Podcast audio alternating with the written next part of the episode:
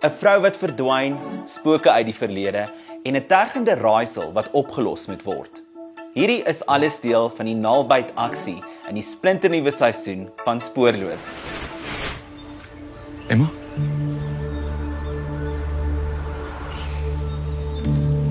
Stefan. In hierdie week se episode van Cassie Keiers gesels ons met hoofakteur Bobby van Jaarsveld en skrywer-regisseur Christo Davids kom maak 'n bietjie later ook 'n draai.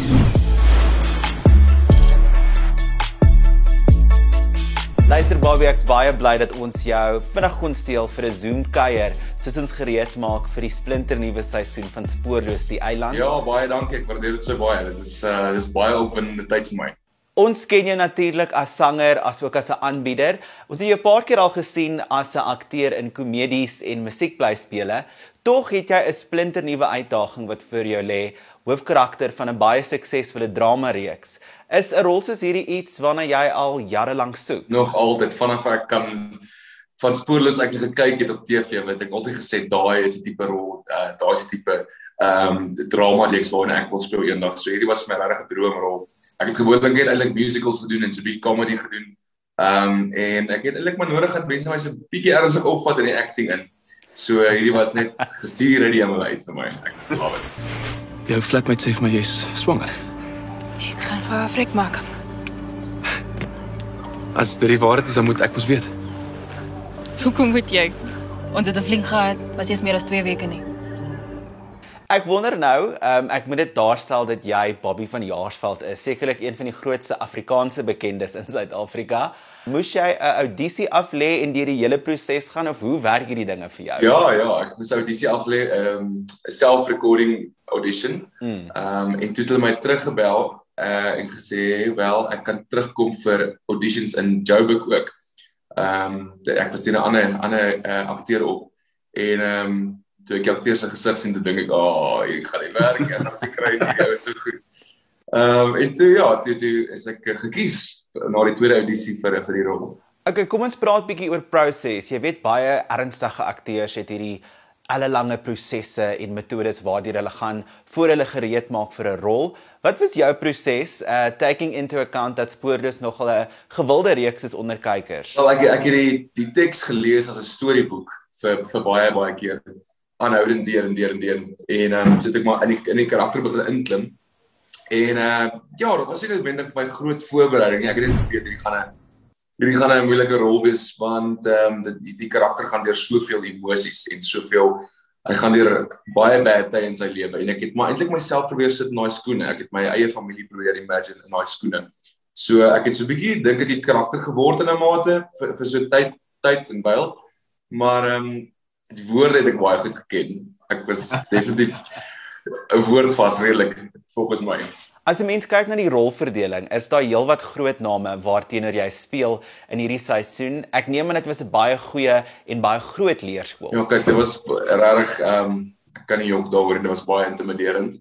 Ek het vir hulle gesê ook want hulle is so goed. Jy speel teen teenoor Armand en jy speel teen Dion en Lay. Marissa, hulle het net almal so goeie akteurs en aktrises. Ehm um, baie intimiderend geweest, maar ek moet sê almal het my net dit is so 'n familiegevoel. Almal het my tips gegee en idees gegee om hoe die karakter te approach en en hoe jy dit moet doen dalk wat ek al so hulle was baie um giving vir my geweest en, en ek en ek leer nog. Ek erken daarom dat ek leer nog. Uh, ek is nie baie familiar met die met die acting game nie. Um hulle is so ek sal enige lesse wat hulle vir my gee, sal ek gebruik en toepas verseker want hulle they've been through it a lot. Um Maar so ja, almal het vir my almal by baie gehelp. Regtig baie goeie tips gegee. Ek kan ek kan nie sê dat iemand my nie gehelp het nie. Almal het my letterlik gehelp. Linda, Jy mag nie hier wees nie, Nis. praat met my gaan? Praat met my. Weg is jy asseblief. He's not supposed to be here. Please just ask the mother. I'm the father. Is it true? Belinda. Kykers gaan natuurlik in hierdie nuwe seisoen van Spoorloos 'n splinter nuwe Bobby van Jaarsveld sien of althans 'n Bobby in 'n splinter nuwe kapasiteit. Is jy bietjie senuweeagtig? Die storie is so goed. Die eh, die die eiland Spoorloos is regtig die storie is so amazing met soveel great akteurs dat ek uh regtig oortuig is dat die mense dit gaan absoluut love. Hulle gaan vasgenaal wees aan die TV screens. Ehm um, maar ja, daar is definitief 'n mate van wonder wat die mense gaan sê want almal het maar 'n opinie wat reg is. Ehm um, maar ja, jy kry mos maar daai mense daar buite wat so bietjie lelik is, maar um, mense is gewoond daaraan.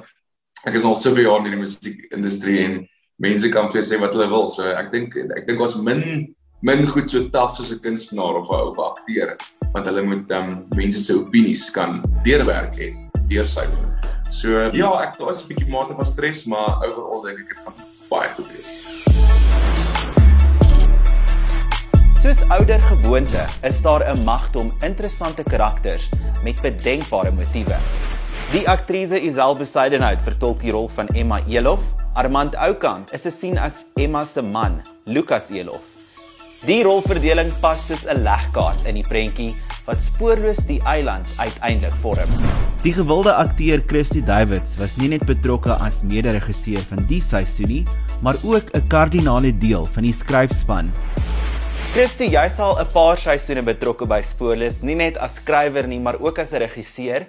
Wat maak jy terugkom elke seisoen? Ek dink die die dis die derde Spoorloos reeks waarop ek werk saam met Ilse van Hemer, uh, wat die hoofskrywer en die skepper en die brein agter die Spoorlose is. Ehm um, en ek was nog altyd baie aangetrokke tot die tipe stories hmm. uh wat saam met die hoe dan dit gepaard gaan.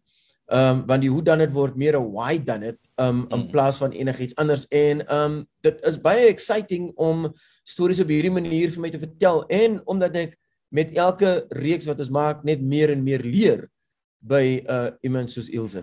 Nogal 'n baie gewilde genre veral onder Afrikaanse kykers, ook 'n baie suksesvolle genre.